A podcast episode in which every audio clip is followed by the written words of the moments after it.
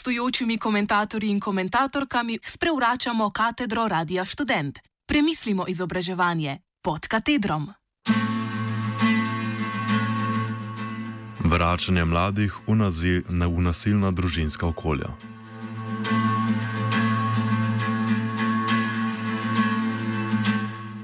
V današnji oddaji pod katedrom bomo prisluhnili komentarju diplomirane socialne delovke Helene Govekar, koordinatorke za preprečevanje nasilja v Centru za socialno delo Ljubljana v nadaljevanju CSD. S komentarjem bomo osvetlili problem vračanja mladih v nasilna družinska okolja v času epidemije novega koronavirusa.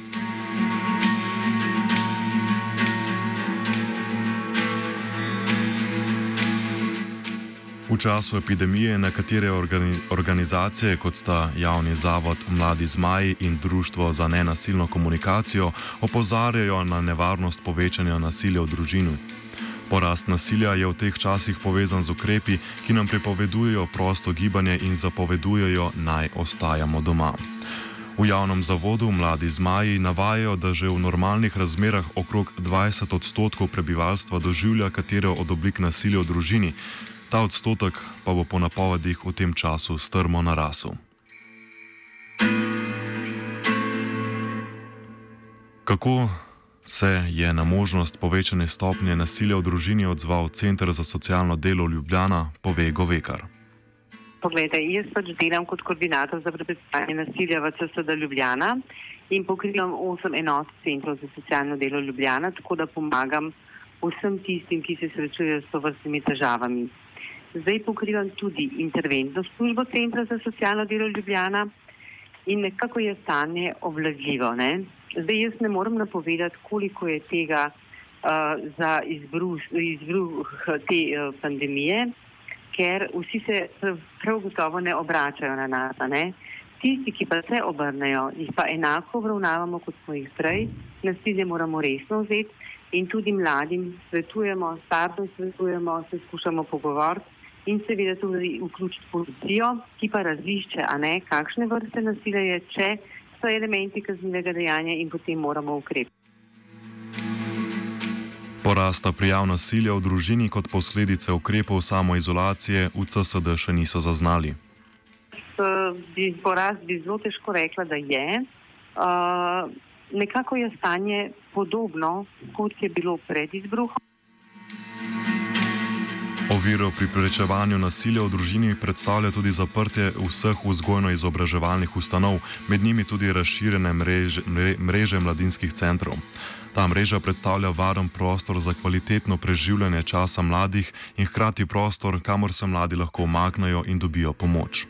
Za mlajše je onemogočen dostop do UNICEF-ovih varnih točk, ki so v različne javne ustanove postavljene z namenom, da se vanje zatečejo po pomoč. Govekar opozori na problem izseljevanja iz zavodov ter dijaških in študentskih domov. O izseljevanju iz slednjih smo na frekvenci 89,3 MHz že poročali v oddaji Kaj pa univerza. Kljub zaprtju številnih ustanov pa se žrtve nasilja lahko vedno umaknejo v krizni center. Se pa bojim, seveda, ne, da vsi ti študenti, dijaki, vsi tisti, ki so morali zapustiti zavode, eh, ki so morali zapustiti študentske domove da nekako ali ne upajo ali ne morejo poklicati. Ne.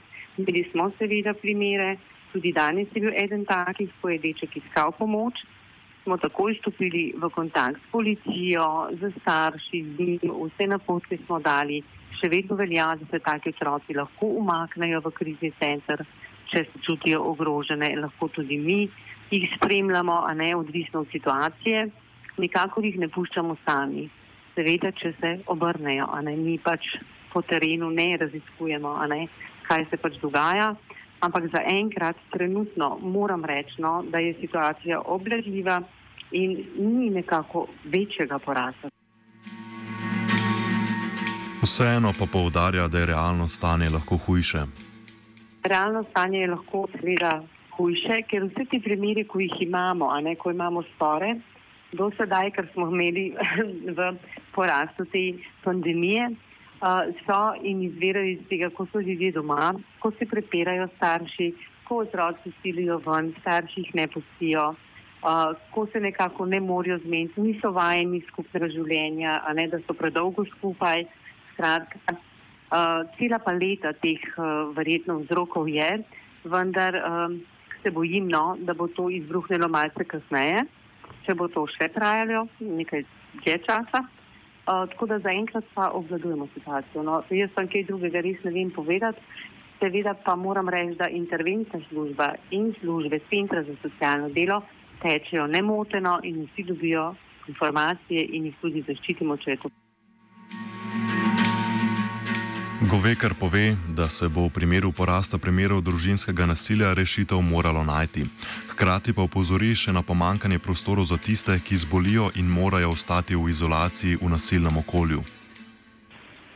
Ja, gledajte, nekako rešitev bi morali najti, če se bo pojavilo več teh primerov. Seveda, moramo vedeti, zdaj, da če nekdo zboli ne, in če kaže znake bolezni, je treba vključiti zdravstvo. Zagotovo v tem stanju nihče nikogar ne bo sprejel, ki je uh, pač obolel za to boleznijo, uh, morajo pač biti zdravi. Uh, manjka nam prostorov, a ne morda zasite ali neka izolacija, ki pa vendarle zbolijo pa kljub temu doma doživljajo nasilje in nimajo kam. To bi bilo treba pač reševati, samo uh, ne vem, vsi se trudimo, a ne, uh, vendar neke, bom rekla, splošne rešitve ali pa da bi bili neki prostori namenjeni za take otroke. Za... Izjave za današnjo oddajo je podala Helena Govekar.